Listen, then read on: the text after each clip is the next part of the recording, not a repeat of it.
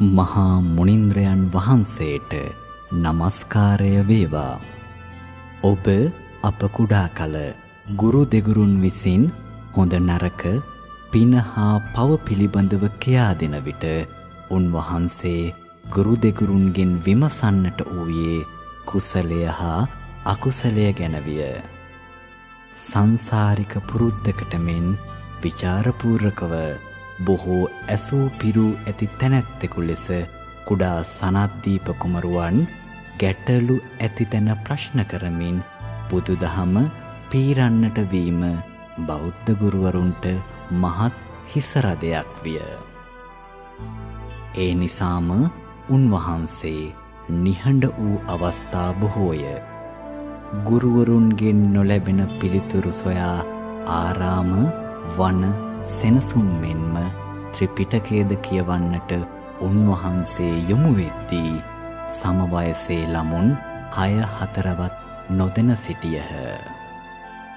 කුසලය හා අකුසලය ගැන අභිධර්ම පිටකේ ඇති දෑ පවා ඉගෙනගෙන කටපාඩම් වූ උන්වහන්සේ එයින්ද සෑහිමකට පත් නොවී අරිය පර්යේෂණ සූත්‍රයේ සිද්ධාර්ථ මහා බෝසතාණන් වහන්සේ කුසලය සොයන්නාක් මෙන් පොත්තපත දැනුම අතහැර කුසලය සොයන්නට විය. මේ උන්වහන්සේට අවබෝධ වූ නිර්වාණ ධර්ම ප්‍රත්‍යක්ෂයට හේතුවන සැබෑම කුසලයයි.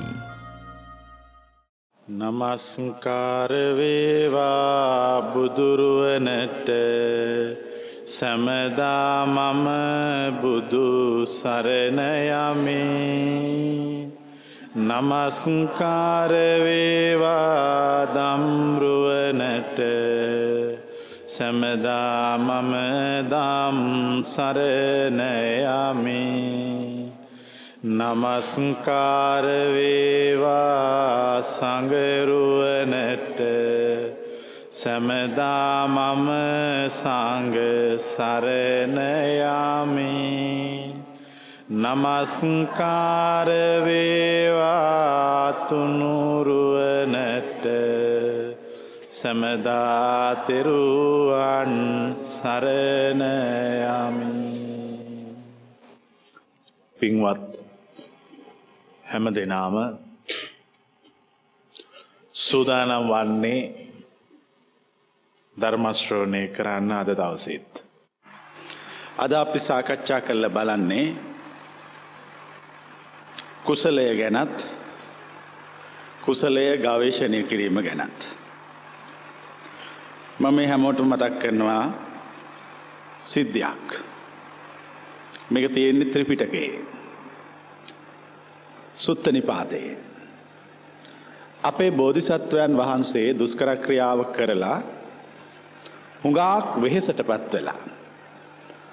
උනාන්ස එක දවසක සිහිය නැතුව ඇදගෙන වැටෙනවා. උනාස සිහිය නැතුව ඇදගෙන වැටුනාම එතෙන්ට එනවා නමුචී කියන මාරයා. ඇවිල සිද්ධාර්ථයන් වහන්සට වෙන මෙහෙම කියනවා. සිද්ධාර්ථයන් වහන්සේ ඔහොම ගියෝතින් මැරෙනවා. ඔය විදියට ජීවත්වෙන්න ගියෝතින් සිද්ධාර්ථයන් වහන්සේට වැඩි කාලයක් ජීවත්වෙන් හම්බෙන්නේ. තමුන්නාන්සේ කුසලය හොයන එක නවත්තල දාන්න. තමුන්නාන්සේ පින්දහන් කරගෙන ආ යන්න ගෙදර ඊල රජකම කරගෙන සන්තෝසයෙන් ජීවත් වෙන්න. දැන් ඕක බැලූ බැල්මට නිවැරදි උපදේශයක් වගේද වැරදි උපදේශයක් වගේද. බැලූ බැල්මට බැලු බැල්මට නිවැරදි උපදේශයක් මොකද කන්න නැතුව විඩාවට පත් වෙලා සිහිනැතුව ඇදගෙන වැටුණ හම නමුච්චිය විල්ල කියනවා දැන් නවත්තන්න. එතකොට සිද්ධාර්ථ බොධිසත්වයන් වහන්සේ නමුචිට කිය නොමහෙම. මට පින් ඕන්නෑ. මම කුසලය යනු කොමක් දැයි ගවේශණය කරනවා.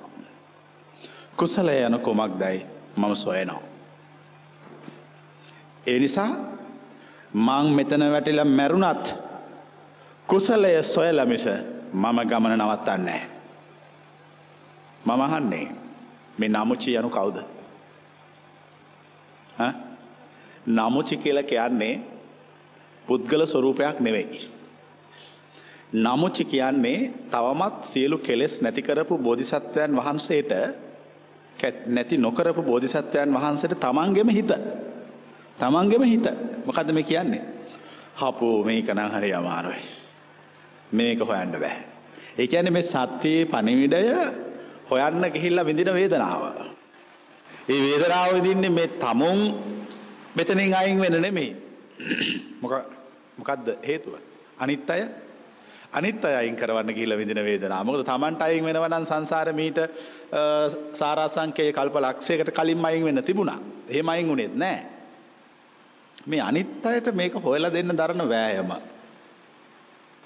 නිසා තමයි එවැනි තත්වයකට මුහුණ දුන්නේ. ඊට පස්සේ උන්වහන්සේ කියනවා නෑ මං කොහොම හරි මේක හොයනවා. කොහොම හරි මේ සටන දිනනවා. උන්වහන්සේ පරාජය බාර ගන්න නැහැ කවදාකවත්. රජවරු පරාජය බාර ගන්න නැහැ.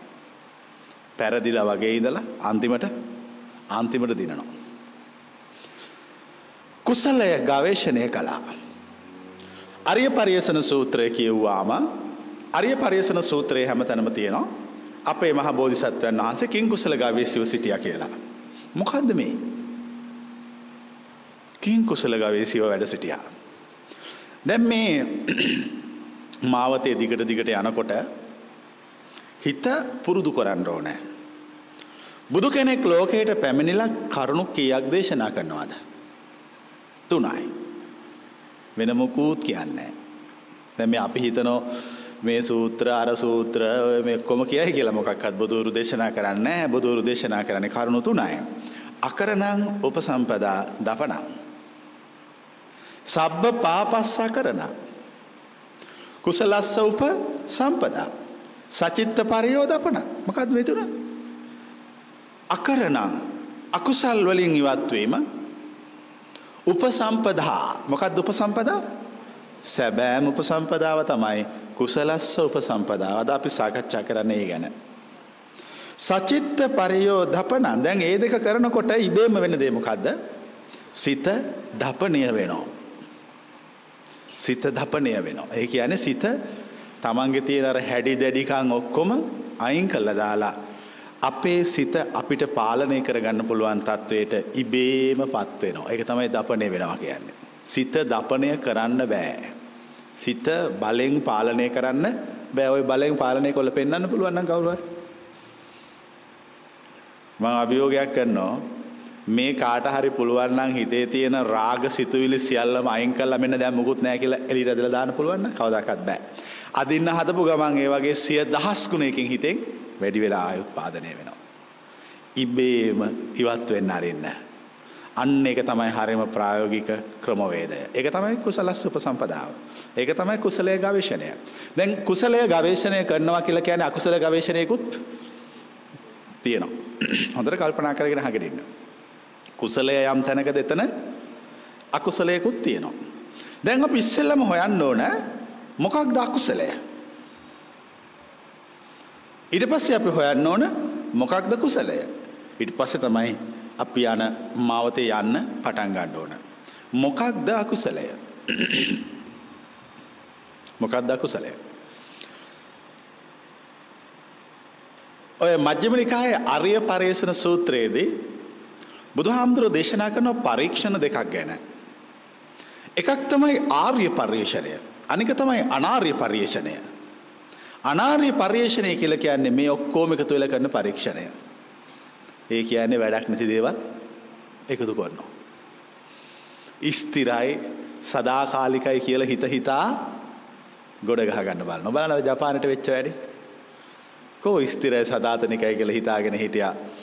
අවුරුදු 100ක් ගොඩනගපු සියල්ල එක විනාඩි 9කදී ඒම පොළොවට පහත් කළා. ඒම මුදට යවුවා. විනාඩි 9 ඒක තමයි ඇත්ත. ඒක තමයි මේ භෞතික ලෝකයේ යථාර්ථය. ප්‍රශ්නේ තියෙන්නේ ඔය යථාර්ථය අපි පිළිගන්න කැමති නෑ එක සැරේට. ඔතනනේ ප්‍රශ්නේ තියෙන්නේ ඇත්තටම. මේක ස්ථිර නෑ කියලා පිළිගන්න කැමති නෑ.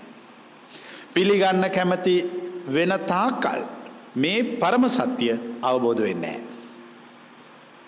දැන් මං කියනොත් මේ හැමෝටම කල්පනා කරන්න තැනක්. ඔබළඟ ඇති භෞතික සම්පත් සියල්ල අහිමි වුණෝතින් ඔබ පිළිගන්න ලෑස්තිද මේ භෞතික සම්පත් නිස්සාරයි කියලා. ලෑසිද නැද්ද. අත උසන්න බල සියලු භෞතික සම්පත් නැති වෙලගර පටාචාරට වුණේ. සියලු භෞතික සම්පත් නැති වුණා. මොනද භෞතික සම්පත් ස්වාමිය නැති වුණා. දරුවෝ දෙන්න නැති වුණා. අම්ම තාත්ත සහෝදරය නැති වුණා. දෙපැත්තෙම ගෙවල් දෙක නැති වුණා. දෙමව්පිය හිටපු නිවසත් නැති වුණා. තමුන් හිටපු නිවසත් නැති වුණා. අන්තිමට ඇඳපු ඇඳුමත් නැති වුණා. සියලු භෞතික සම්පත් අහිමි වෙලා. දැන් මොහොතකට හිතන්න පටාචාරාව ඔබ ඇසිතා. නිකන් මොහොතකට හිතන්න මන් තමයි එදා පටාචාරාව. දැන් පිළිගන්න ලෑස්තිද භෞතික සම්පත් නිස්සාර බව. පිළිගන්න ලෑස්තිද. මම කියන්නේ මේ ධර්මය හරි අමුතුයි. පටාචාරාවක් නොවී පටාචාරාවක් වීම. හරි ලේසි නේක පටාචාරාවක් වෙලා පටාචාරාවක් වෙනවට වඩා පටාචාරාවක් නොවී ඇය අවබෝධ කරගත්ත දේ අවබෝධ කරගන්නවා.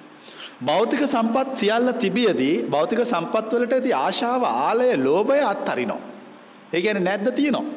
හැබැයි ඒව කෙරෙහි බැඳීමක් ආශාවක් ලෝභයක් නැහැ. එතකොට මේ ධහම සාක්ෂාත් වෙනවා. හරි ලේසි ක්‍රමයක්. එතකොට කෙනෙකුට මේ ධර්මය සාක්ෂාත් කරන්න සියල්ලෙන් ඉවත් වෙන්න සියල්ල ප්‍රතික්ෂේප කරන්න භෞතික අවශ්‍ය නෑ. තියෙන් අරින්න හැබැයි මනසට දාගන්න එපා. කෙනෙකුගේ ජීවිතයේ භෞතික සම්පත් හුඟාක් එකතු වෙන්නේ ඒව කෙරෙහි ලෝභයක් නැති වුණොත්. ලෝභයක් ඇති වුණොත් එකතු වෙන්නේ නෑ. දැන් මම කියන්නේ මේ කුසලය ගැන සොයනවා. දැන් ඔන්න අකුසලය. මේ හැමෝම පුරුද්දට කරන සියලු දේවල් අකුසල ගවේෂණය. අකුසල ගවේෂණය. අකුසල ගවේෂණය කිය කියා කරන්නේ මේ ලෝක එක එක දේවල් අපි ඇහෙන් බලනවා. ඇහෙන් බලලා ස්ථිරයි සදාකාලිකයි හොඳයි සුබයි කියලා අපි හිතනවා. හිතලා ඒ බලපු දේ ඇතුළට දාලා මතකේ තියාගන්නවා. ඊට පස්සේ අපි කොහේ හරි ගිහිල්ලා ඊට වඩා එකක් පේනවා. පෙනුනහම කියනවා බලන්න අර එදා එදා බලපු එක කැතයිනේ. ඊට වඩා මේක ලස්සනයිනේ. කියලා ඒ පාරේ දැකපු දේ ආයි වෙන තැනක ආයි තියාගන්නවා. ඊට පස්සේ ආයෙ කොහරි ඇවිද කරනකොට ආයෙ එකක් දකින්න ඊටත් වඩා ලස්සන. එතකොට අපි කියනවා බලන්න අර එදා එකට වඩා දැන් මේක හොඳයිනේ. හරිම පුදුම හිතක්. හරිම පුදුම හිතක්. සැරින් සැරේ ලස්සන හොය හොයා දුවනවා. බලනකොට ලස්සන කියලා එකක්. මං අහන්නේ කෝ ලස්සන? ඔය ලස්සන තියනම් ඔය කොහෙද හරි ජීවිතේ හම්බ වෙන්න එපයි. දැන් මේ කාට හරි කොහේ හරි ලස්සන මොන හරි හම්බෙලා තියෙනවද? ඈ මේ හැමෝටම හම්බ වෙන්නේ ඊට වඩා ලස්සන එකක් හම්බ නොවෙන තාක්කල්. හරි නේද? කැත කියලා එකක් තියෙනවද? ඈ නෑනේ. කැත කියලා එකක් නෑ. කැත කියන දේ තියෙන්නේ ඊට වඩා කැත නොවන එකක් නොලැබෙන තාක්කල්. අපි දැන් අපි කියනවා මේක කැතයි. එතකොට මේක කැත වෙන්නේ මීටත් වඩා කැත එකක් හම්බුනොත් අපි කියනවා ඒක ලස්සනයි. බලන්නකො හිත කියන්නේ මහා පුදුම එකක් නේ. එක සැරයකට කැතයි කියනවා ආයි ඊළඟ මොහොතේ ආයි ලස්සනයි කියනවා. මේ සියල්ලම සාපේක්ෂතාවයක් මත අපි තීරණය කරනවා. දැන් මම අහන ප්‍රශ්නය. කෝ ලස්සන? ඈ? කෝ කැත? කෝ වටිනකම? මැණික් වටිනවා කියන්නේ ඒවට වඩා වටින එකක් අපිට හම්බු වෙන්නේ නැති නිසා. හොඳයි මෙහෙම මතකට හිතන්න. මේ ලෝකෙ තියෙන සියලු බොරළු වැට මැණික් වී මැණික් බොරළු වෙනවා. දැන් වටින්නේ මොනවද? හා? බොරළු කෝටි ගානකට විකුණනවා. ඇයි දැන් හැමතැනම මැණික්. තේරෙනවද මෝඩකමකට අහු වෙලා කියලා? තේරෙන්නේ නැද්ද මම මේ කියන එක? මේ මේ අපි ලොකු මෝඩකමක පැටලිලා ඉන්නවා. අපිට පුංචි කාලේ දෙවව්පිය උගන්වපු දේවල් ඇත්තයි කියලා හිතාගෙන ඉන්නවා. ඒ ඔක්කොම වැරදි. ඒවා අපිට අවශ්‍ය කරන්නේ මේ භෞතික ලෝකයේ තුල කරක් ගහන්න විතරයි. මේ භෞතික ලෝකයෙන් එහා සත්‍ය තියෙනවා. භෞතික ලෝකේ පල්ලා බැලුවහම සත්‍ය ඈතින් තියෙනවා. ආලෝක යක්ෂයා බුදුහාමුදුරුවන්ගෙන් අහන ප්‍රශ්නය එක ප්‍රශ්නයක තියෙනවා මෙහෙම. සච්ඡං හවේ කිංසු හවේ සාදු තරං රසානං මේ ලෝකේ තියෙන රසයන් අතුරේ හාමුදුරුවනේ මේ හොඳම රසය මොකද්ද? දැන් රස තියෙනවනේ මොනවද රස? දැන් මේ රස කියලා ඇත්තරම එකක් නෑ. ඒක තුල තියෙන්නේ සාපේක්ෂකයක් විතරයි. දැන් ඔන්න අපි කියනවා මේක රසයි. ඊට වඩා කියනවා නෑනේ ඊට වඩා අද රසයිනේ. අදට වඩා හෙටර ඔහොම ඔහොම සාපේක්ෂක හොයාගෙන යනකොට එක්තරා තැනක තියෙනවා ඉහළම සාපේක්ෂකය. මොකක්ද ඒ? බුදුහාමුදුරෝ දේශනා කරනවා සච්ඡං හවේ සාදු තරං රසානං ලෝකේ තියෙන රසයෙන් වැඩිම එක සත්‍ය සත්‍ය ඒ කියන්නේ ධර්මය හැබැයි දැනෙන්නේ නැහැ කාටවත් ඒ දැනෙන්නේ නැති හින්දා අනිත් ඔය තියෙන කුණු ගොඩවල් වලට රසය කිය කියා ඉන්නවා සත්‍යයේ රසය තේරුම් ගන්න ඒක හරි අමුතු රසයක් ඒකේ තියෙන්නේ ඒ රසය දැනුණාම ඒක තමයි ජීවිතයේ ඔබට ලබන්න පුළුවන් වටිනාම රසය. කුසලය සම්පාදනය කරන්න. අකුසලයෙන් බැහැරවන්න. ඉස්සෙල්ලම හිත ඇතුලේ තියෙන අකුසල් ඉවත් වෙන්න අරින්න බලෙන් ඉවත් කරවන්න බෑ. ඉවත් වෙන්න අරින්න අකුසල් වලට ඇති උවමනාව අයින් කරන්න. දැන් අපිට සත්තු මරන්න හිතෙනවා. කොහොමද අපි මේ සත්තු මරන්න තියෙන උවමනාව අයින් කරන්නේ? ඒක හැමෝගම හිතේ තියෙන ස්වභාවයක්. සත්තු මරන්න හිතනවා. දැන් මං අහන්නේ කොහොමද මෙතනින් ගැලවෙන්නේ? දැන් අපි අපේ හිතට උපදෙස් දෙනවා. මෙන්න මෙහෙම උපදෙස් දෙන්නේ. මරන්න එපා. මැරුවොත් විඳවන්න වෙනවා. මෙව ගෙවන්න වෙනවා. අනික ඔබ කැමතිද ඔබ මරණවට? නෑ. ඒ වගේ තමයි අනිත් අයත්. ඔබ ඔය සතා වෙලා ඔය සතා ඔබ වුණොතින් ඔය සතා විසින් යම් දවසක ඔබ මරනවා. බලන්න මේ සාපේක්ෂව සියල්ල හිතනවා. එතකොට සත්තු මරණ දින වුණා මොකද්ද වෙලා යන්නේ? ඉබේම නැති වෙලා යනවා. මම කියන්නේ මේ අත් බැඳලා තියලා සත්තු මරණ එක නවත්තන්න බෑ. සීලයක් සමාදන් කොල්ලත් සත්තු මරණ එක නවත්තන්න බෑ. මොකද සමාදන් වෙලා හොරාට මරනවා. අනිත් අකුසලුත් ඒ වගේමයි. දැන් කරන්න ඕන හරිම ප්‍රායෝගික දේ තමා තමුන් ඉස්සෙල්ලා ස්වයං අවබෝධය. තමුන්ටම තේරෙන්න ඕන. තමුන්ටම දැනෙන්න ඕන මේක තේරුමක් නෑ කියලා. තේරුමක් නෑ කියලා දැනෙනකොට ටික ටික ටික ටික හිත එතනින් එතනින් ඈත් වෙනවා. ඔන්න බලන්න දැන් අකුසලයෙන් මොකද්ද වෙන්නේ? අකුසලෙන් ඈත් වෙනවා. හොරකම් කරනවා. කාමිත්‍යාචාරය කරනවා. බොරු කියනවා. කේලාම් කියනවා. හිස් වචන කියනවා. පරුස වචන කියනවා. අනුන්ගේ දේවල් වලට ලෝභය, අභිජ්ජා, තරහ, ව්‍යාපාදය, වැරදි විදියට හිතන එක මිත්‍යා දෘෂ්ටිය මේ දස අකුසලෙන්ම ඔය කියපු ක්‍රමයට ටිකෙන් ටික ටිකෙන් ටික ටිකෙන් ටික හිත ඈත් කරන ඈත් වෙන්න අරින්න කරන්න යන්න එපා. ඈත් කරන්න ගියොත් ආයේ ටික වෙලාවකින් හිත තිබිච්ච පරණ තැනටම ආයෙ එනවා. හිත හරි අමුතුයි. හිත හරි අමුතුයි. හිත වැඩ කරන්නේ සම්ප්‍රදායිකත්වයෙන් බැහැරව. ඒ නිසා තමයි හිත වැඩ කරන හරිම විදිය තියෙන්නේ මේ සම්ප්‍රදායික රාමුවෙන් එළියේ. ඒ නිසා තමයි සත්‍ය එතන තියෙන්නේ. පැහැදිලිද? සත්‍ය තියෙන්නේ එතන ඒකයි. දැන් අපිට සත්‍ය තේරුම් ගන්න ඕන නම් අපි මේ සිතේ ඇත්තම ස්වභාවය තේරුම් ගන්න ඕන. ඒ කියන්නේ මුකුත් නෙවෙයි ඔබ ඔබ ගැන හරියට තේරුම් ගන්න. තමුන් තමුන් ගැන හරියට තේරුම් ගන්නකොට අපිට ඇත්ත තේරෙනවා. අපි අපි ගැන ඇත්ත තේරුම් ගන්න සමහර වෙලාවට ලැජ්ජයි, බයයි. මොකද අපිට මාන්නේ වැඩි. මාන්නේ වැඩි වුණාම අපි කරන්නේ නෑ නෑ ඒක නෙවෙයි ඇත්ත. මං කොහොමද එහෙම වෙන්නේ? මම මෙහෙමයි කියලා අපි එකක් හදලා ඒක මත ජීවත් වෙනවා. නැද්ද? දැන් උන අවුරුදු 40ක් 50ක් වයසයි. එතකොට කවුරු හරි කෙනෙක් කියනවා වයසයි නේද? නෑ තාම වයස නෑ තාම මැදි වයසනේ. දැන් වයස කියන්න ලැජ්ජකමට ඔන්න තව එකක් හදාගත්තා. මාන්නේ මාන්නේ ඇත්තටම පිළිගන්න වයසට ගියපු බව. ජරාවටපත් වෙන බව. ඒ පිළිගත්තම ආයි තවත් එකක් ඇත්තේ නෑ. අන්නේ පිළිගැනීම කරනකොට ඔබට ඔබ ගැන ඇති මාන්නය මොකද්ද වෙන්නේ? හ්ම්? නැති වෙනවා. කිසිම කෙනෙක් මාන්නය ඇති කරගන්න එපා. දැන් හුඟක් වෙලාවට ඔය මාන්නය ඇති වෙන්නේ තරුණයෙකුට. ඇයි ඒ? ජවය වැඩි, බලය වැඩි, නිරෝගීකම වැඩි. මම කියන්නේ මාන්නෙන් ලේසියෙන් ඉවත් වෙන්නත් පුළුවන් තරුණයෙකුට. ඇයි? ඒ දේවල් සියලු දේ තියෙනකොට එයා කල්පනා කරනවා මට දැන් මේ සියලු දේ තියෙනවා. හැබැයි මේක වැඩි වෙලාවක් පවතින්නේ නෑ නිරෝගීකම තියෙනවා. එක සැරේටම හෙම්බිරිස්සාවක් හැදෙනවා. දැන් අර තිබිච්ච නිරෝගීකම මොකද්ද වෙන්නේ? ඈ? තමුන්ට පාලනය කරන්න බැරි රෝගීකමක් බවට පත් වෙනවා. තමුන්ට පාලනය කරන්න බෑ දැන්. දැන් මේ ශරීරය පාලනය කරන්න පුළුවන්ද? හොටු යන එක පාලනය කරන්න පුළුවන්ද? කොම පාලනය කරන්න. ඒ පුංචිදේ ඇති මුළු ජීවිතයම ගැන තේරුම් ගන්න. කොම දිටිපස හිතන්නේ. මේක පාලනය කරන්න බැරුව වගේ මම වයසට යනෝ. මම ජරාවට පත් වෙනෝ. මම ලෙඩ වෙනෝ.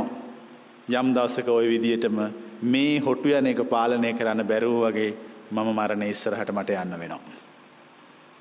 නිශ්චල වෙන්න අරින්න හිත. හිතට තේරුම් ගන්න අරින්න ඔබ පිළිබඳ යථාර්ථය. කිසි කෙනෙකුට මරණෙන් ගැලවෙන්න බෑ. මහා ඇලෙක්සන්ඩර් රජ්ජුරුවන්ගේ අන්තිම කැමති පත්‍රය ගැන අහලා ඇතිනේ. මහා ඇලෙක්සැන්ඩර් කියන්නේ මහා වීරයෙක් මේ තාක් ලෝකෙ පහළ වෙච්ච මහා රණශූරයා. මම කලිනුත් මේ ගැන කියලා තියෙනවා. කොච්චර රණශූරයේද්ද කියලා කියනවනම් යුරෝපයේ ඉඳන් ඉන්දියාවටම දිනුවා. දිනලා දිනලා දිනලා දිනලා මහා රාජ්‍යයක අයිතිය ලෝකේ මේ තාක් විශාලම රණශූරයා පහළ වෙච්ච. ඉඳලා අන්තිමට රෝගාතුර වුණා. එයාට තේරුණා ජීවිතෙන් යන්න වෙන බව. එයා යාගේ රාජකීය ඔක්කොම සේනාධිපතියන්ට කතා කොල්ලා අන්තිම කැමති පත්‍ර කිව්වා. මෙන්න මේ විදිහට අවසන් කටයුතු කෙරෙන්න ඕන. මැරුණාම මරණයට අත තියන්න බෑ කාටවත් රාජකීය වෛද්‍යවරු පමණයි මරණය උස්සන්න ඕන. සියලු එකතු කරපු වස්තුව ගෙනල්ලා කූඩාරමේ සිට සොහොන් කොත දක්වා සොහොන් සොහොන දක්වා බිම දාන්න ඕන ඔක්කොම රන් රිදී මුතු මැණික්. මරණේ අත් දෙක එකතු කොල්ල තියන්නේ නැතුව අත් දෙක දෙපැත්තට දාලා වල දාන්න ඕන. සොහොන් කොටක් බඳින්න බෑ. ඔක්කොම අය පිළිගත්ත කීප එක. හැබැයි පිළි අරගෙන ඇහුවා මේ ඒ මොකද ඒ රාජකීය වෛද්‍යවරුන්ට විතරක් උස්සන්න දෙන්නේ? ඇයි අපිට මරණ දැස තියන්න දෙන්නේ නැත්තේ? හිතාගනිල්ලා. රාජකීය වෛද්‍යවරු හිටියත් උන්ටවත් බැරි වුණා මාව මරණයෙන් ගලව ගන්න. ඒකයි උන්ට මුස්සගෙන යන්න කියන්නේ. ඊට පස්සේ අහනවා ඇයි ඇයි මහරජුරු අර එකතු කරපු මහා වස්තු ඔක්කොම ගෙනල්ලා මේ බිම දාන්න කියන්නේ. බිම දාන්න කියන්නේ මෙච්චර වස්තුව මං එකතු කළත් එක තඹ සතයක්වත් මට ගෙනියන්න බැරි වුණා. බිම ගෙනල්ලා දාපල්ලා. ඒක උඩින් මරණ ගෙනියපල්ලා. ඕන කෙනෙකුට ගන්න කියපල්ලා. ඊට පස්සේ අහනවා. ඇයි අත් දෙක දෙපැත්තට දාලා වල දාන්න කියන්නේ. මෙච්චර මහා රාජ්‍යයක් එකතු කරපු මට අන්තිමට කිසිම දෙයක් නැතුව හිස් අතින්ම යන්න වුණා. ඕක තමයි ජීවිතයේ යථාර්ථය. මහා රණ ශූරයෙකුගේ අන්තිම කැමැත්ත. එයාට එහෙම නම් ඉතින් ඔබ ගැන කවර කතාවද? තේරුම් ගන්න. වටින දෙයක් ජීවිතේ. අන්නේ නිසා කුසලයේ සම්පාදනය කරන්න ඕන. බලන්න මේ රජ්ජුරු හරි අමුතු එක්කෙනෙක්. එයා හිතන්නේ අමුතු වෙනස් විදියට අනිත් පැත්තට හිතන එක්කෙනෙක්. ඒකනේ එයා රජ කෙනෙක් කියලා එයාට කියන්නේ. නැත්නම් රජෙක් කියන්නේ කුසලය එකතු කරන්න ඕන. දැන් හිතේ තියෙන නරක දේවල් හිතින් එකින් එක බැහැර වෙන්න අරින්න. දැන් ඔන්න හිතේ තියෙන නරක දේවල් හිතින් එකින් එක බැහැර වෙනකොට දැන් හිත තුල ස්වභාවයන් කීයක් ගොඩනගෙනවද? දෙකයි. එකක් තමයි හොඳ ස්වභාවය. අනික තමයි තමුන්ගේ හිතේ සුපුරුදුව läගුම්ගෙන සිටින නරක ස්වභාවය. දැන් ඔන්න දෙන්නෙක් ඉන්නවා. දෙන්නෙක් ඉන්න තැන මොකද්ද හටගන්නේ? යුද්ධයක්. දැන් මේ අපේ හිත ඇතුලේ දෙන්නෙක් යුද්ධ කරනවා. කවුද දෙන්න? ඈ? හොඳ හා නරක කුසලයේ හා අකුසලයේ ඒ යුද්ධ කරන බව මං කියා දෙන්නම් කරුණකින්. ඕනම වැඩක් කරන්න ගියාම දෙන්නෙක් ඇවිල්ලා කියන්නේ නැද්ද ඇතුලේ? සතෙක් මරන්න ගියාම මේ මරන්න එපා. ඔහෙට ඕක මරුවොත් විපාක වෙනවා. ඊට පස්සේ අනිත් පැත්තෙන් කියන්නේ මරපන් මරපන් මරපන්. ඕක කන්න පුළුවන් නැත්නම් ඕක විකුණන්න පුළුවන්. ඕකට මෙහෙම මේ ඕකට මේක හම්බ වෙයි අරක හම්බ වෙයි මරපන් මරපන්. ඔය දෙන්නගෙන් දිනන එක්කෙනාට අනුව අපි තීරණය අරගන්න නැද්ද? කේලමක් කියන්නේ යනවා. කියනකොට තමුන්ගේ හෘද සාක්ෂිය තමුන්ගේ අර පිරිසිදු බව තමුන්ට ඇවිල්ලා කියනවා කේලම් කියන්න එපා. හොඳ නෑ. ඊට පස්සේ ආය අනිත් පැත්තෙන් කියනවා කියපන් කියපන් කියපන්. ඕක කිව්වොත් මේක හම්බ වෙනවා. දැන් මේ ඇතුලේ තියෙනවා හැමෝගෙම හැමෝගෙම ප්‍රශ්නයක් තියෙනවා යුද්ධයක්. දෙන්නෙක් ඇතුලේ ඉඳන් යුද්ධ කරනවා. කවුද වැඩියෙන් දිරන්නේ? හා හොඳද නරකද? වැඩියෙන් දිනන්නේ අන්න එතනයි ප්‍රශ්නේ තියෙන්නේ. නරක දිනනවා. දැන් ඔබ කල යුතු වන්නේ අන්න කුසලයේ සම්පාදනය කරන්න. ටික ටික ටික ටික කුසලයේ සම්පාදනය කරගෙන සම්පාදනය කරගෙන යනකොට එක්තරා වෙලාවක දෙන්නගෙන් එක්කෙනෙක්වත් දිනන්නේ නැති වෙනවා. ඒ කියන්නේ 150 50 ඔන්න දැන් යුද්ධේ හොඳ තැනකට ගෙන ආවා. මේක තමයි ලෝක තියෙන අමාරුම යුද්ධේ. ඔය යුද්ධෙන් දෙනවා අපියාට නමක් කියනවා. මේ මේ මේ කියන යුද්ධෙන් දිනන එක්කෙනාට නමක් කියනවා. මොකද නම? දැන් ඔය යුද්ධයක් තියෙන බව තේරුණාද? ඇතුලේ භෞතිකව යුද්ධයක් කරන එක එච්චර අමාරු නෑ. අවියාවුද තියෙනවා නම් ඥානය තියෙනවා නම් යුද්ධ දක්ෂකම් යුද සියලු දේ දන්නවා නම් යුද්ධයක් කරලා දිනන එක එච්චර ප්‍රශ්නයක් නෙවෙයි. ඒක බොහොම පුංචි දෙයක්. හැබැයි මේ ඇතුලේ යුද්ධ දිනන්න හරි අමාරුයි. ඇතුලේ යුද්ධ දිනන එක්කෙනාට අපි නමක් විශේෂ නමක් කියනවා. මොකද ඒ නම කියනවා? මහා වීරයාණනේ මහා වීරයාණනේ ගෞතම බුදුහාමුදුරන්ට බුදුනයින් පස්සේ හැම කෙනෙක්ම ඇවිල්ලා ආමන්ත්‍රණය කළේ කොහොමද? යුදයෙන් ජයගත් මහා වීරයාණනේ. යුද්ධ දිනවා. 150 50 තියෙනවා. මොකද 150 හොඳ 50යි නරක 50යි. 50 කොමාරි හොඳ පැත්ත 151 කරන්න. එක කර ගවන් ඔබට පුළුවන් වේගයෙන් ඔබේ ඇතුළාන්තේ ඉන සතුරාවට ප්‍රහාර එල්ල කළා විනාශ කළා දාන්න. තේරුණාද කියන එක විනාශ කරන්න පුළුවන්. අයින් කරන්න පුළුවන්. ඒ අයින් කරන්න පුළුවන් කුසලයම එකතු කරන්න. කුසලයම එකතු කරන්න මේක මේ මේක මේ භෞතික එකතු කරන එකක් නෙමෙයි. කිසිම භෞතික එකතු කරන්න දෙයක් නැහැ කුසලයේ එකතු කරන්න කියලා. අපිට තියෙන අපේ හිත හදාගන්න එකම පමණයි. හිත සංසුන් කරගන්න, හිත නිවා ගන්න. හිතේ තියෙන සියලු භෞතික ඕන එපාකම් ඉවත් වෙන්න අරින්න. ඉවත් වුණාම හිත ඉබේම දපණය වෙනවා. සචිත්ත පරියෝ දපනං. සිත දපනය වෙනවා. සිත දපනය වෙන්න දෙන්න. සිත දපනය වුණාම අන්නේ සිත තුළ කුසලය සම්පාදනය වෙනවා. කිසිම දහමක් නොදන්න මනුස්සෙක්. මූලිකවම දන්න දේනේ පින් පව් පිනයි පවයි. ඒ කියන්නේ හොඳයි නරකයි. ඉස්සෙල්ලා මේ පුද්ගලයා කරන්න ඕන නරක අයින් කළා හොඳ කරන්න ඕන. පැහැදිලිද මම මේ කියන එක? ඒක තමයි පල්ලවැනි පියවර. දැන් මේ ඉච්චර ගැඹුරු දහමක් දන්න අය අඩුයිනේ. එතකොට සාමාන්‍ය මිනිස්සු ওই වෙනාගම් වල අය පිටරට ඉන්න අය ඒ මිනිස්සුත් යම් තරමකට කුසලයේ සම්පාදනය කරනවා. ඒ කරන්නේ පල්ලෙහාම ලෙවල් එකෙන්. පල්ලෙහාම තත්වෙන්. මොකද්ද පහළම තත්වය? නරක අයින් කළා හොඳ කරනවා. ඊට පස්සේ එහෙම එහෙම එහෙම එහෙම කරාම ඔන්න 100ට 100ක්ම අපි දැන් හොඳයි. 100ට 100ක්ම නරක අයින් කළා. දැන් අපි පටන් ගන්න ඕන අකුසලය ඉවත් කළා කුසලය පුරුදු කරන්න. ඔන්න ඒකත් ඒ පාර අපි දස අකුසල් තේරුම් ගන්නවා. ඒ කියන්නේ ධර්මය අහගන්නවා. ඒ පණිවිඩය කායින් හරි අහගෙන දස අකුසල් මොකද්ද කියලා තේරුම් අරගෙන වටහාගෙන දස අකුසල් වලින් ඉවත් වෙනවා. සිත ඉවත් වෙන්න අරිනෝ. බලෙන් ඉවත් කරන්න බෑ. ඒ ඉවත් කළා ඒකේ අනිත් පැත්ත දස කුසල පැත්ත ටික ටික ටික ටික ටික ටික ඔන්න පුරුදු කරනවා. එතකොට සිත අලුත් දෙයකට පුරුදු වෙනවා. දැන් සිත අලුත් දෙයකට පුරුදු වෙලා. සාම්ප්‍රදායිකව ඉන්න මිනිස්සෙකුට තියෙන ප්‍රශ්නය මෙන්න මේ දස කුසල් පුරුදු කරන තැනට හිත ගේන එක ටිකක් අමාරුයි. හැබැයි මතක තියාගන්න. මේක ටික දවසක් මනස විවේකයට පත් කරගෙන ඉවර වෙලා මේක සිතට පෙන්නලා දුන්නොතින් ඇත්ත මේකයි කියලා අපේ සිත ඒක පිළිගන්නවා. සිත පිළිගන්නවා. මෙයා කියන එක හරි. මේක තමයි සත්‍ය. ඊට පස්සේ සිතම අපිට කියනවා කුසලයේ කුසලයේ කුසලයේ කුසලයේ එකතු කරන්න. කුසලයේ සම්පාදනය කරන්න. ඕම කුසලයේ සම්පාදනය කරගෙන සම්පාදනය කරගෙන යනකොට අපේ සිත ශක්තිමත් වෙන්න පටන් ගන්නවා. සිත ශක්තිමත් වෙනවා විතරක් නෙමේ සිත ඇතුලේ තියෙන කුණු ටික ඔක්කොම මොකද්ද වෙන්නේ? සුද්ධ වෙනවා. හොඳට සුද්ධ වෙනවා. දැන් සිතේ තියෙන කුණු ඔක්කොම හොඳට සුද්ධ වේගෙන සුද්ධ වේගෙන සුද්ධ වේගෙන යනකොට අර ඉතුරු වෙච්ච කුණු මොකද්ද වෙන්නේ? කතාවක් තියෙන්නේ. තාපසේ ගියාලු විලක් ළඟට. ගිහිල්ලා ඒකේ ලස්සන මලක් පිපිලා තිබුණලු නෙළුම් මලක්. තාපසයා විලට බැහැලා වැඩි වතුර හොල්ලන්නේ නැතුව එහෙම පහත් වෙලා මල ඉම්බලු. මල ඉම්බහම මල ඉඹලා එළියට ඇවිල්ලා වතුරට බීලා ගියාලු. දෙවියෙක් බනිනවලු තාපසයාට. විලි ලැජ්ජ නැති තාපසයා හොරකං කලා මලේ සුවඳ. තමුන්නාන්සට ගැලපෙන්නේ නෑ මලේ සුවඳ හොරකං කරන එක. අහගෙන හිටියලු දෙවියයි කතාව. ඇත්ත තමයි. පැත්තකටලා ඉන්නකොට මෙන්න ආවලු මිනිහෙක් ඇවිල්ලා බැස්සලු වල වතුර වලට අර විලට. බැලලා දියබුන් ගහලා ඔක්කොම මඩ කළාලු. අර මල කඩලා කෑවලු. කාලා මලේ ගහත් හාරගෙන අලෙත් හාරගෙන කෑවලු. කාල වතුරත් බීලා නාලේ මිනිහගේ යාළු ඒ මිනිහට අර දෙවියා මුකුත් කිව්වේ නැතිලු.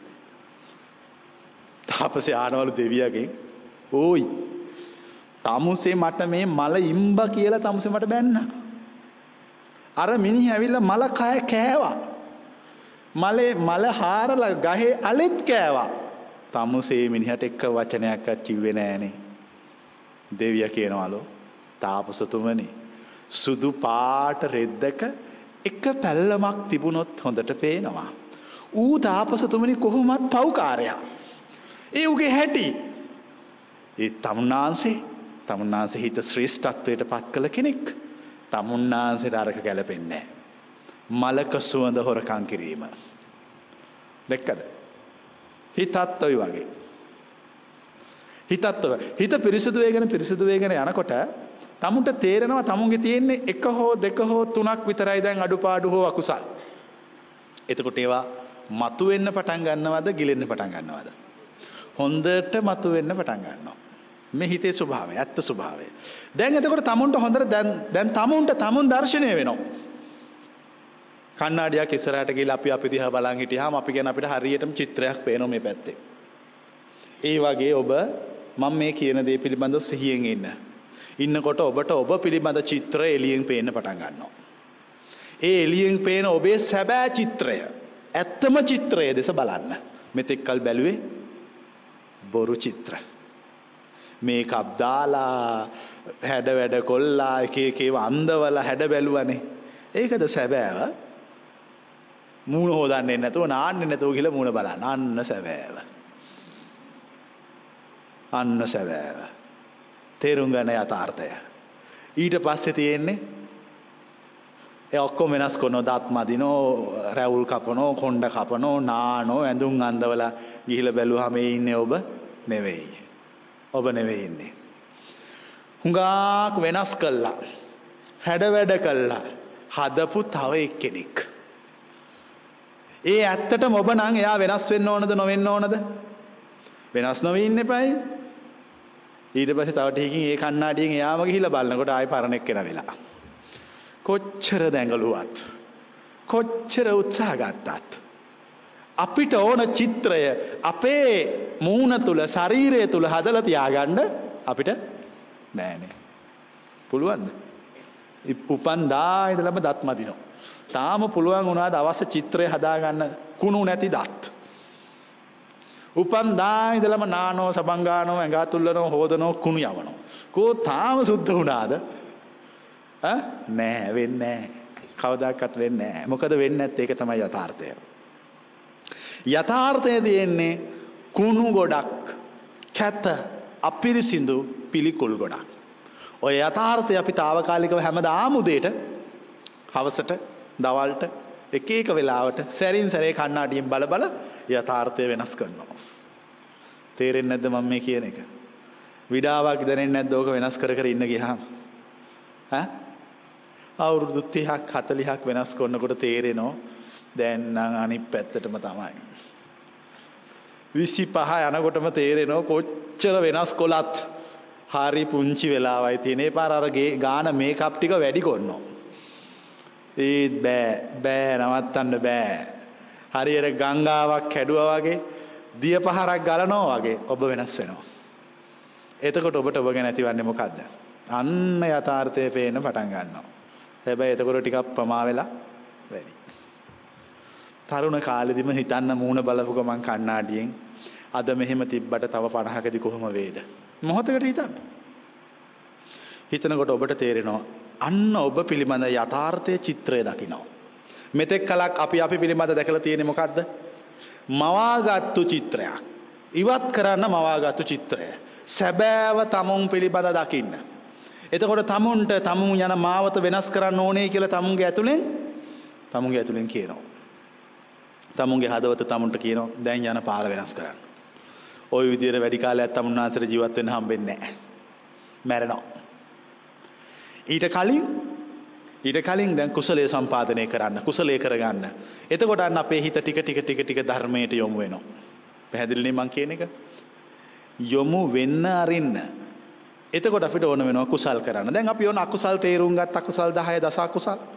දසකුසල් දහය තේරුම් අරගෙන හිතුව දැන් ඉස්සෙල්ලම කරන්න ඕන මේ දහයෙන් අයින් වෙන එක බුදු දහම උගන්වන නියම සීලය දසකුසල් වලින් අයින් වෙන එක. එහෙම නැතුව හිතාගෙන ඉන්න එපා කවුරුවත් නච්ච ගීත වාදිත විසූක දස්සන කළාට උච්චාසයන මහාසයනුනින් වෙන් වුණාට විකාල භෝජනයෙන් වෙන් වුණාට ඒක සීලයක් නෙමෙයි. ඒක එදා ඉන්දියාවේ තිබිච්ච සම්ප්‍රදාය. තේරුම් ගන්න. බුදු හාමුදුරුවන්ගේ සැබෑ දේශනාව තුළ ඒව එකක්වත් නැහැ. එව්ව නැහැ. බුදු හාමුදුරුවන්ගේ සැබෑ දේශනාව තුළ තියෙන්නේ දස අකුසල් වලින් ඉවත් වෙන්න. දස කුසල් සම්පාදනය කරන්න. එච්චරයි. ඒක තමයි නියම සීලය. එතනින් එහා සීලයක් රකින්න මේ කිසිම කෙනෙකුට අවශ්‍යතාවයක් නෑ. මොකද එතනින් එහාට රකින්න දෙයක් නැති නිසා. රකින්න අවශ්‍ය හිත මිසක් සීලයක් නෙමෙයි. අන්තිමට රැකෙන්න ඕන සීලයද හිතද? සිතයි. සීලය රකින්න අවශ්‍ය නැහැ. හිතයි රැක ගන්න ඕන. හිත රැක ගන්න තමයි ගෞතම බුදුහාමුදුරුවෝ මේ කරුණු 10 දේශනා කරන්නේ. ඒක නේද හාමුදුරුවෝ කෙනෙකුට කියන්නේ? ඒ හාමුදුරුවෝ කියන අපෝ සිල්පද 225ක වැඩි ස්වාමීනි මම සිවුරු වැරලා යනවා ගෙදර. එතකොට කියනවා මේ මේ එන්න පොඩ්ඩක්. ඔය 225 නැතුව ඔහෙට එකක් රකින්න බැරිද? එකක් නම් කොහොම හරි පුළුවන් කියනවා. එහෙනම් ඔය ඔක්කොම ටික අත්හැරලා දාලා හිත රැක ගන්න කියනවා. දැන් තේරෙනවද? දැන් තේරෙනවද ගෞතම බුදුහාමුදුරන්ගේ මූල දේශනාව මොකක්ද කියලා? සිත රකින්න එක. සිතේ ඇති අකුසල් සිතින් નિરાයාසයෙන් ඉවත් වෙන්න අරින්න. එතකොට සිත හුඟක් පිරිසිදු වෙනවා. සිත පිරිසිදු වුණාම වෙන ප්‍රශ්නය තමයි ඔන්න ලොකු ප්‍රශ්නයකට අපි මුහුණ දෙනවා. ඒ තමයි අපේ ඇතුලේ තියෙන කුණු හතර පහක් හරි එකක් දෙකක් හරි හොඳට කැපිලා මතු වෙලා හැඩ වෙලා පේන්න පටන් ගන්නවා. එතකොට අපිට පේනවා අයියෝ පිරිසිදු වෙලා නෑනේ. මෙන්න කුණු. එතකොට ඒ කුණු කෙරේ tamunට කලකිරීමක් ඇති වෙනවා. ඒ කලකිරීමත් එක ටික ටික දවසක් ඉන්නකොට ඒ කුණුත් ටික ටිකම ටික ටික ටික ටික සුද්ධ වෙනවා. දැන් හිතේ තියෙන අකුසල් හුඟක් අයින් වෙලා. දැන් මෙන්න මෙහෙම අවස්ථාවක් ගැන මනසින් හිතන්න. කිසිම අකුසලයක් නැති සිතක්. 100%ක්ම ඈ පිරිසිදුයි. මං අහන ප්‍රශ්නයක්. කිසිම අකුසලයක් නැති සිතකට ඒ කියන්නේ එවැනි සිතක් ඇති කෙනෙක් පරම සත්‍ය සාක්ෂාත් කොට ඇද්ද?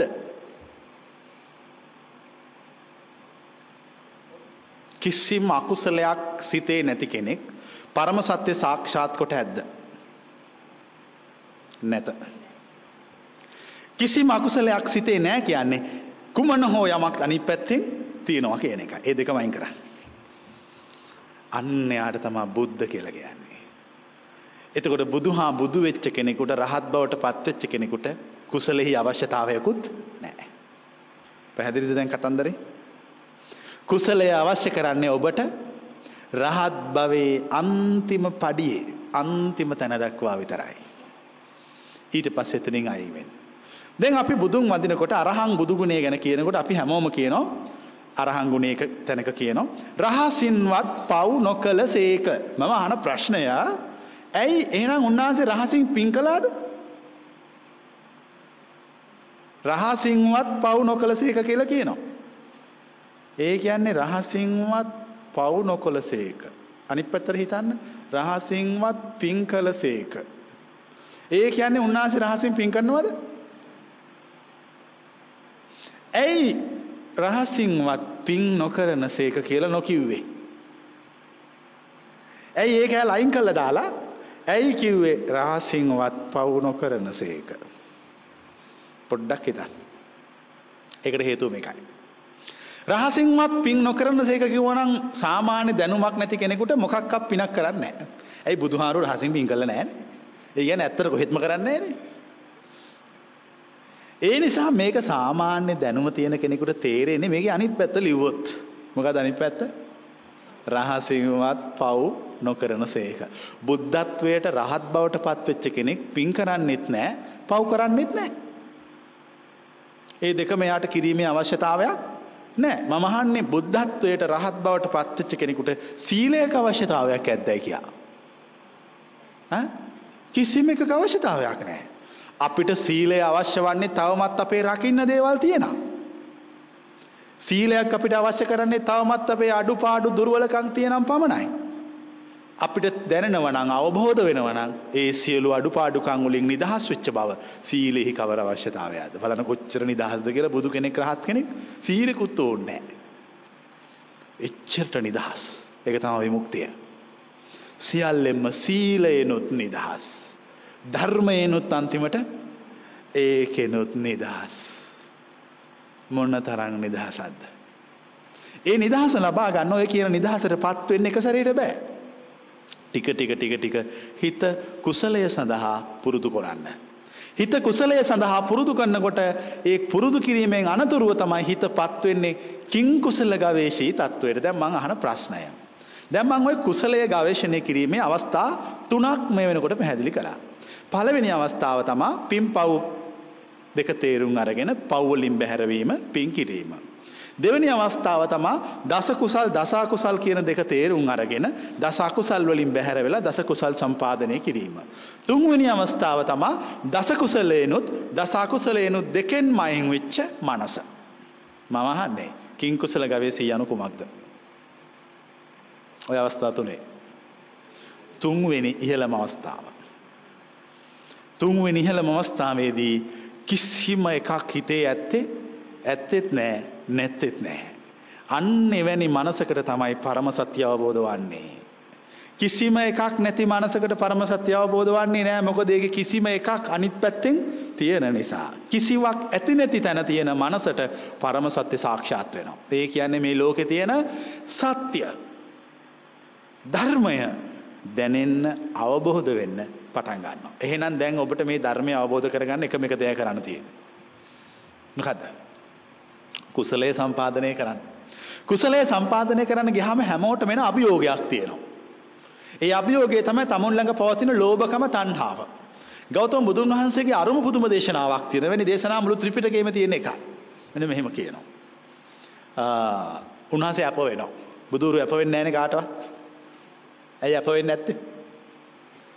බුදු කෙනෙක් කාටවත් අප වෙන්නේ නැහැ කාටවත් පොරොන්දු වෙන්නේ නැහැ. මොකද උන්වහන්සේත් එක්ක පොරොන්දු ගන්න කෙනෙක් නැහැ. මොකද එච්චරට මේ ලෝකෙ ඉන්න මිනිස්සු අවිශ්වාසයි. විශ්වාස කරන්නේ කවුරුවත්. ඒක තමයි ස්වභාවය. එතකොට කාටවත් පොරොන්දු වෙන්නේ අප වෙන්නේ නැහැ. හැබැයි ගෞතම බුදුන් වහන්සේ එක තැනක අප වෙනවා. මෙන්න මෙහෙම. මහණෙනි මං ඔබලට පොරොන්දු වෙනවා. මං ඔබලට අප වෙනවා. එකම එක දෙයක් අත්හැරියොත් අනාගාමී වෙන බවට. මහණෙනි ඒක නම් ලෝභයයි. අත්තරින ලෝභය. ඔබ ලෝභය අත්හැරියොත් ඔබේ සිත අනාගාමී භාවයට පත් වෙනවා. බලන්නේ කරපු දේශනාව මම අප වෙනවා වැරදිලාවත් අප වැලි වෙල්ල කිව්වොත් කෝ කෝ මං අත්තරිය කෝ තමුන්නාස කියපේක මට හම්බුනේ නෑනේ කියලා කිව් කියන්න පුළුවන්. හැබැයි එහෙම කියන්න බෑ. ඇයි කියන්න බැරි? අත් ඇරියොත් අතෑරලා දැම්මොත් ලෝභය අනාගාමී වෙනවාමයි. අත්තරින්න. අත්තරලා දාන්න මානසිකව සියල්ල. එතකොට ඔය කියන තත්ත්වයට ඔබේ හිත નિરાයාසයෙන්ම පත් වෙනවා. මානසික වශයෙන් සියල්ල අත්හැරලා දාලා අනාගාමී නොවන්නෙක් ඇද්දයි කියා මම ප්‍රශ්න කරනවා. නොවන කෙනෙක් ඉන්නවද නැද්ද? නැහැ. බුදුන් වහන්සේ අප වී ඇත. බුදුන් වහන්සේ මේ පැත්තේ ඉන්නවා. මම අප වෙනවා කියලා තාමත්. තාමත් ඉන්නවා. තාමත් බලාගෙන ඉන්නවා අප වෙච්ච අපවීමක් තියාගෙන. ඒ අපවීම කරන්න ඒ කියන දේ කරන්න. ඒ කියන දේ කරහම උන්වහන්සේ කියපු එකේ විදියටම ලැබෙනවා වෙනවා සාක්ෂාත් වෙනවා. බුදුරු ඇප වුණොත් පොරොන්දු වුණොත් ඒක ඉෂ්ට කරනවාමයි. මතකනේ නන්ද හාමුදුරන්ට ඇප වුණා. මොකක්ද ඇප වුණේ? නන්ද දිව්‍යාංගනාවක් ලබා දෙනවා. මේ මේ කියන අරමුණ තුල හරියට ජීවත් වෙන්න. ලෝකේ මායාවක් කියලා තේරුම් ගන්න. නන්ද හාමුදුරු ටික වෙලාවක් ඒ කියපු අරමුණ මෙනෙහි කරගෙන යනකොට නන්ද හාමුදුරන්ට තේරුණා මේක මායාවක්. මුලාවක් මේ ඔක්කොම පේන්න දැනෙන සියල්ල බොරුවක්. සිත සියල්ලෙන් ඉවත් වෙලා නිවිලා රහත් බවට පත් වුණා. ඉස්සෙල්ලම කලේ මොකද්ද ගිහිල්ලා? ස්වාමීනි අපයෙන් ඔබ නිදහස්. ඔබ නිදහස්. දිව්‍යාංගනාවක් එපා. ඇයි එහෙම කිව්වේ? දිව්‍යාංගනාව ඇත්තටම නැති නිසා. තියේයි කියලා අපේ හිතන් ඉන්නවා. මේ ටික හොඳට ඔබට තේරෙනකොට කුසලය සම්පාදනය කරන්න උවමනාවක් ඇතුළෙන් ඇති වෙනවා. කුසල් දස කුසල් පුරුදු කරන්න. ඉස්සෙල්ලා මේ දස කුසලයේ ගැන තේරුම් ගන්න. තේරුම් ගන්න නැතුව බෑ. දැන් කෙනෙකුට හිතයි මේක ටිකක් අමාරුයිනේ. ඔව් අමාරු තමයි. ධර්මාශෝක රජුණන් එක ගිරිලිපියක තියෙනවා මෙහෙම. ලෝකේ තියෙන සියලුම හොඳ දේවල් අමාරුය. හරි නේද? ලෝකේ තියෙන හැම හොඳ දෙයක්ම අමාරුයිලු. ඒ කියන්නේ ලේසි දේවල් නරකයි. ලේසියෙන් කරන්න පුළුවන් නම් එතන අකුසලයක් වෙන්න තියෙන අවස්ථාව ඉඩකඩ වැඩි. හැබැයි යමක් අමාරුවෙන් සොයාගත්තොත් ඒකේ වටිනකම වැඩි මම අහනවා ප්‍රශ්නයක්. ඇයි මේ පරම සත්‍ය හොයන එක මෙච්චර අමාරු? මේක ටක් ටක් ගාලා කියනකොට තේරිලා අවබෝධ වෙලා හරි මම දැන් සංසාරේ නිදහස් මාත් සංසාරේ නිදහස් වුණා නම් මේ අය මේකට එයිද නැද්ද? එක්කෙනෙක්වත් එන්නේ නැහැ. එක්කෙනෙක්වත් එන්නේ නැහැ. මේක අමාරු කරලා තියෙන්නේ මේකේ වටිනකම වැඩි නිසා. වටිනකම වැඩි. මේක අවබෝධ කරගත්තොත් මේ කියන පණිවිඩය සදහටම නිවිලා යනවා. ඒ කියන්නේ ආයි උපදින්නවත් මැරෙන්නවත් අවශ්‍යතාවය නැති වෙලා යනවා. ඔබට උපදින්න හරි මැරෙන්න හරි අවශ්‍යතාවය තියෙනකම් ඔබ මේ සංසාරේ ඉපදිපදි ඉපදිපදි ඉපදිපදි මෙරි මෙරි ඉපදිපදි මෙරි මෙරි යනවා. ඉපදීමක් ඇති තැන මරණයක්. මරණයක් ඇති තැන ඉපදීමක්. ඉපදීම හා මරණය යනු එකම සිද්ධියේ දෙපැත්තයි. කාසියක් උඩ දැම්මොත් අනිවාර්යෙන් මොකද්ද වෙන්නේ? දෙපැත්තේ එක පැත්තක් වැටෙනවාමයි. මොකක්ද දෙපැත්තෙන් එක පැත්තක් නොවැටෙන්න කරන්න ඕන.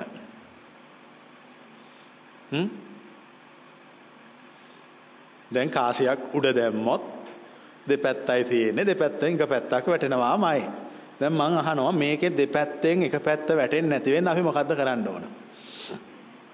හ්ම් කාසිය දෙපැත්ත ගලවන්න.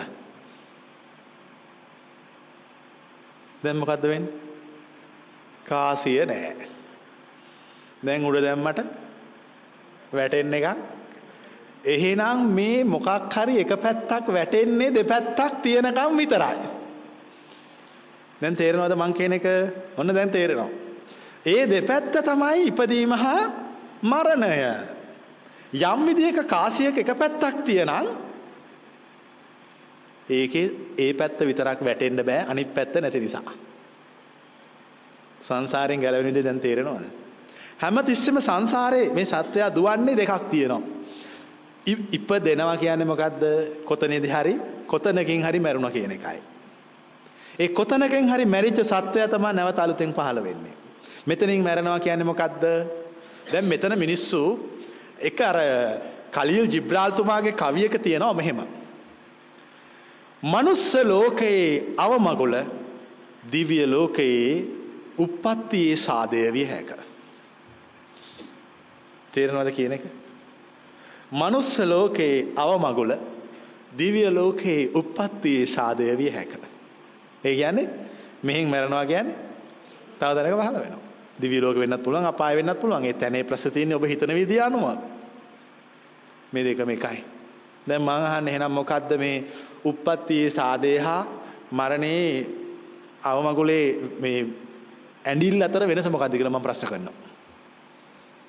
මොකද්ද වෙනස? එක පැත්තකින් එක්කෙනෙක් ඉපදුනා කියලා හුඟක් අය සන්තෝෂ වෙනවා. අර පැත්ත එක්කෙනෙක් මැරුණා කියලා හුඟක් අය දුක් වෙනවා. මොකක්ද මේ දෙකේ වෙනස? කිසිම වෙනසක් නැහැ.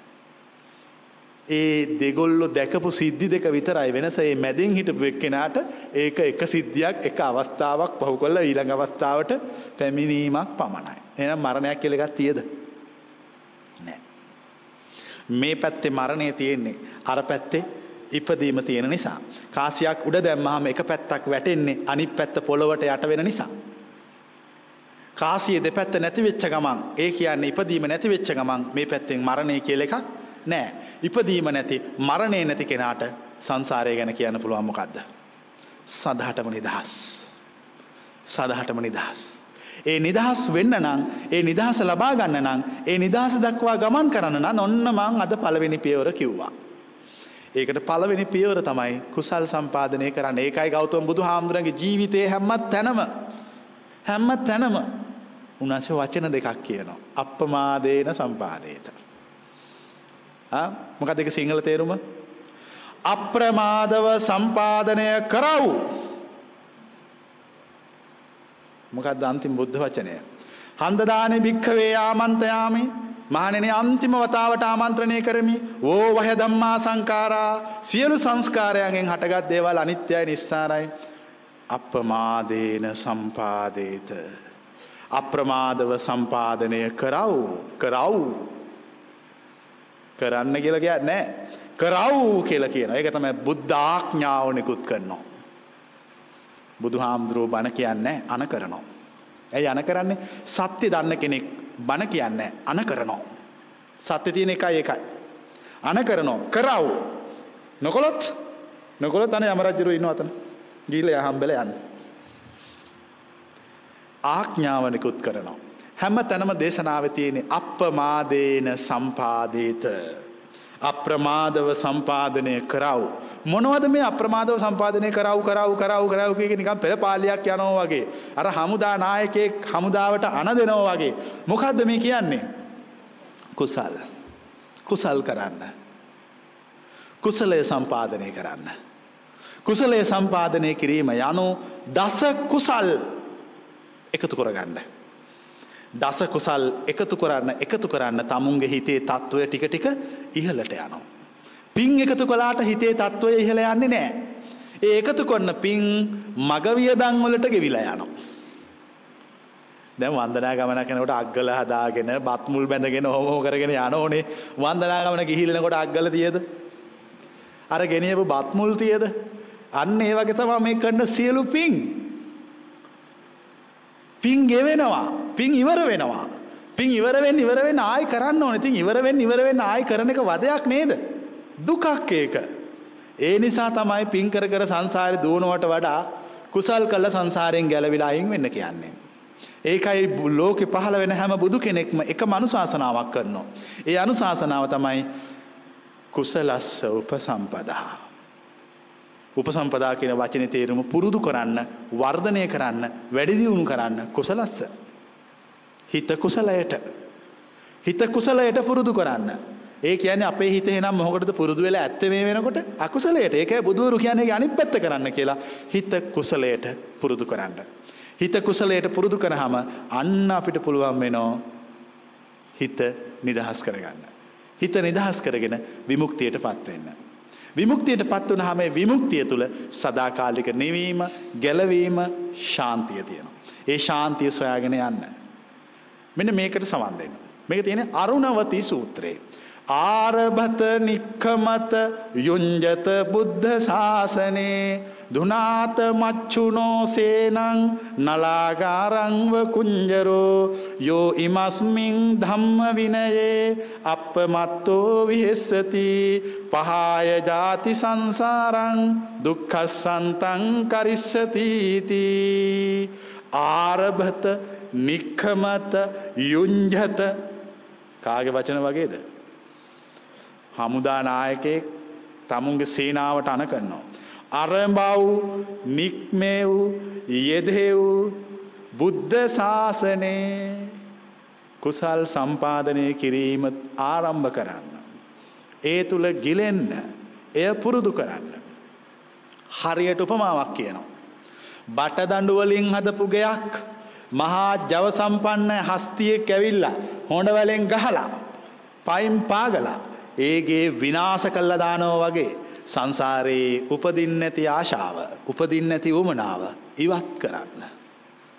එවිට සිත විමුක්තියට පත්වෙනවා. මේ කියපු එකම තමයි ගාථාවකින් කිව්වේ. ඕක තියෙන්නේ අරුණවතී සූත්‍රයේ. පැහැදිලිද? හමුදා නායකයෙක් තමුන්ගේ සේනාවට අන කරන්නාක් මෙන් ගෞතම බුදුන් වහන්සේ තමුන්ගේ ශ්‍රාවකයන්ට කියනවා කුසලයේ සම්පාදනය කළා සංසාරයෙන් අයින් වෙන්න කියලා. කුසලයේ සම්පාදනය වෙනකොට වෙනකොට වෙනකොට තමයි හිතේ සංසාරයෙන් අයින් වෙන්න උවමනාව ඇතිවන්නේ. නැත්තම් උවමනාවක් ගැන තේරෙන්නේ නැහැ මෝඩයෙකුට. ඒකනේ කියන්නේ පඤ්ඤාවන්තෝ අයන් ධම්මෝ නායන් ධම්මෝ දුප්පඤ්ඤස්ස. මොකද්ද මේක කියන්නේ? ප්‍රඥාවන්තයටයි ධර්මයේ තේරෙන ඥානවන්තයටයි. අඥානයට තේරෙන්නේ ප්‍රඥාවන්තෙක් වෙන්නේ කොහොමද? නිකුත් කරන්න ඕනේ. කොච්චර ඉගෙන ගත්තත් ප්‍රඥාවන්තයෙක් වෙන්න බෑ වෙන්න පුළුවන් උගතෙක් පමණයි. ප්‍රඥාවන්තයෙක් වෙන්න නම් කුසලයේ සම්පාදනය කරන්න. කුසලයට හිත පුරුදු කරගෙන පුරුදු කරගෙන පුරුදු කරගෙන යනකොට දස කුසලය තුළ නිමක්න වී සිටින විට වෙන කිසිම දෙයක් නොකර දස කුසලේම සම්පාදනය කළෝතින් ඔබට පුළුවන් ඉක්මනින්ම සංසාරයෙන් අයුම් වෙන්න. දැන් දෙකයි දේවල් දෙපැත්තේ තියෙන දැන් ඔය දෙක දෙක අයින් කරගෙන ගියාම අන්තිමට දෙකක් ඉතුරු වෙනවා නිර්වාණයයි සංසාරයයි. මම දැන් කියන්නේ මොකකින් අයින් වෙන්න කියලාද? සංසාරයෙන් මේ පැත්තෙන් සංසාරයෙන් අයින් වෙනවා කියන්නේ අර පැත්තෙන් කොහෙටද කියලා වැටෙන්නේ? නිර්වාණයටපත් වෙනවා. ওই දෙකම එකයි. සංසාරයෙන් අයින් වුණත් එකයි නිර්වාණයට එකතුනත් එකයි. සංසාරයයි නිර්වාණයයි කියන්නේ දෙපැත්තක්. මෙතනින් අයින් වෙනකොට මෙතෙන්ට හිතපත් වෙනවා. මෙතනින් අයින් වුණාම මෙතෙන්ටපත් වෙන්නේ නැහැ. මොකද මෙතනින් අයින් වෙන කෙනෙක් නැහැ. නිර්වාණයෙන් අයින් වෙන්න කෙනෙක් නැති නිසා සංසාරයට එන්නේ නැහැ. හැබැයි සංසාරයේ කෙනෙක් තවමත් ඉන්න නිසා එයාගේ හිත මේ පැත්තට දැම්මහම නිර්වාණයටපත් වෙලා ශාන්ත භාවයටපත් වෙලා සියල්ලෙන් මිදිලා සද්ධාහටම නිදහස් වෙනවා. බුදුදහම උගන්වන්නේ සද්ධාහටම හිත නිදහස් කරගන්න විමුක්ති මාවතක්. ඒ විමුක්ති මාවත තේරුම් ගන්න. ඒක මේ පින් කර කර පන්සල් යා බෝධි පූජා තිය තිය මල් පූජා තිය තිය ඉන්න එකක් නෙමෙයි. එතනින් එහාට ගිය විමුක්ති මාවතක් තියෙනවා. එතනින් එහාට ගිය විශාල පරීක්ෂණයක් තියෙනවා. එතනින් එහාට කරපු ගවේෂණයක් තියෙනවා. මම කියන්නේ පූජා කරන එක පොඩ්ඩකට නවත්තන්න. ඔය දුවන දිවිල්ල නවත්තන්න. නවත්තලා ගෞතම බුදුන් වහන්සේ සිදු කරපු මේ පරීක්ෂණය ගැන පොඩ්ඩක් සොයන්න. සෙව්වහම ඔබට පෙනේවි උන්වහන්සේ අරුම පුදුම වැඩක් කළා තියෙනවා. මොකද්ද කරපු වැඩේ? සංසාරයෙන් නිදහස් වෙන හැටි හොයලා තියෙනවා. ඒක හොයවුවා විතරක් නෙමෙයි. ඒක අත්විඳලා ඉවර වෙලා ඒක අනික් අයට දේශනා කළා තියෙනවා. අපිට මේ සංසාරේ දුවන්නේ අපි අපේ තියෙන අඩුවක් නිසා. මොකක්ද ඒ අඩුව? අපි අපි ගැන බලන්නේ නැතුව අපි අනිත් අය දිහාව බල බල අනිත් අයගේ දේවල් ගවේෂණය කර කර ඉන්නවා අපි අපි ගැන ගවේෂණය කරන්න. ඒ නිසා අද ඉඳලා පුරුදු වෙන්න ඕන මොකද්ද? අපි ගැන ගවේෂණය කරගන්න. තමුන්ගේ ඇත්තම ස්වභාවය කොච්චර කැත වුණත් කොච්චර අමිහිරි වුණත් ඒක දිහාම බලන්න. අනිත් අයගේ සුන්දර ස්වභාවයන් නිරීක්ෂණය කරනවට වඩා තමුන්ගේ අසුන්දර කැත අමිහිරි ස්වභාවය දෙසම බලාගෙන ඉන්න. එතකොට ඔබේ සිත සියලු දේ නිදහස් වෙයි පූර්ණ නිශ්චල භාවයට පත් වෙනවා. ඒ කියන්නේ සංසාරයෙන්ම නිදහස් වෙලා නිවිලම යනවා. ඒ නිවුනොත් ආය ඉපදීමේ අවශ්‍යතාවයක් නෑ. අන්න එතකොට තමයි අපිට මේ දේශනා කරපු කෙනා වෙනුවෙන් අපි කරන නියම ගෞරවය දැක්වා වෙන්නේ. කොච්චර උන්වහන්සේට වැන්දත් ඒක උන්වහන්සේට කරන ගෞරවය නෙමෙයි. කොච්චර උන්වහන්සේට වෙසක් කූඩු හදලා පත්තු කළත් උන්වහන්සේට කරන නියම සැරසිල්ල නෙමෙයි. කොච්චර උන්වහන්සේ වෙනුවෙන් දන්සල් දුන්නත් පන්සල් හැදුවත් ඒකත් උන්වහන්සේට කරන නියම පූජාව නෙමෙයි. උන්වහන්සේට කරන නියම පූජාව නම් උන්වහන්සේ කියපු මේ මාවත, කියපු මේ පාරට පැමිණ, උන්වහන්සේ කියපු දේ තේරුම් අරගෙන උන්වහන්සේටම නැවත කිව්වොත් මට තමුන්නාංශ කියප එක දැන් තේරුණා. මට අවබෝධ වුණා. අන්න ඒක තමයි උන්වහන්සේට කරන සැබෑම නිවැරදිම නියමම පූජාව. ධර්මාරාම භික්ෂුව බුදුන් පිදූ ලෙස පුදන්න ලෑස්ති වෙන්න. ධර්මාරාම හාමුදුරුව බුදුරජාන් වහන්සේ පරිනිර්වාණයට පත් වෙනකොට සියලු දේ අත්හැරලා සියලු දේ නවත්තලා ගිහිල්ලා හිත සංසුන් කරගත්තා. ඔක්කොම හාමුදුරුව ඇවිල්ලා ලොකු චෝදනාවක් කළා. මොකද කරපු චෝදනාව? මේ ගෞතම හාමුදුරුව පරිනිර්වාණයට පත් වෙනවා. මුන්නාන්සේ ගිහිලා උන්වහන්සේට වඳින්නවත් නැහැ. උන්වහන්සේ පැත්තකටලා භාවනා කර කර ඉනවා. යමුකෝ මං ගිහිලා කියන්න කියලා ඔක්කොම හාමුදුරුවෝ ගිහිලා කිව්වා උන්වහන්සේට. බලන්න ස්වාමීනි ධර්මාරාම භික්ෂුව හරි ආත්මාර්ථකාමී. මේ ඔබ වහන්සේ පරිනිර්වාණයට පත් වෙන වෙලාවේ ඔබ වහන්සේට වඳින්න නැතුව වන්න ගිහිල්ලා පැත්තකට වෙලා නිදහසේ භාවනා කරනවා. එන්න කියන ධර්මාරාමට. ආවා. මොකද ධර්මාරාම මේ කරන චෝදනාව? ස්වාමීනි මට ඔබ වහන්සේ පිරිනුවන් පාන්න කලින් සංසාරයෙන් අයින් වෙන්න ඕන. මම මේකට ක්‍රමයක් හොයනවා. හරියට හරියි යෝතතාගතත සක්කාරොන්ති ගරුකාරොන්ති මානෙන්ති පූජෙන්ති පරමාය පූජාය පටිපත්ති පූජාය. යමෙක් තතාගතයන් වහන්සේ වෙනුවෙන් පවත්වනවනම් ගරු කරනවනම් සම්මාන පවත්වනවනම් පූජා පවත්වනවන නියම පූජාව මේ ධර්මාරාම භික්ෂුව ලෙස පූජා කළ යුතුයි. දැන් ඔබේ පූජාව වැරදි පූජාව කියලා දැන්වත් තේරුණාද. තමුන් තමුන්ගේ හිතේ ඇත්ත ස්වභාවය දෙස නිශ්චලව බලන්න. අන්න ඒක තමයි ගෞතම බුදුන් වහන්සේට කරන්න පුළුවන් විශාලම පූජාව. ඒ පූජාව කරන්න හැම දෙනාටම ශක්තිය ලැබේවා කියලා අපි ප්‍රාර්ථනා කරනවා.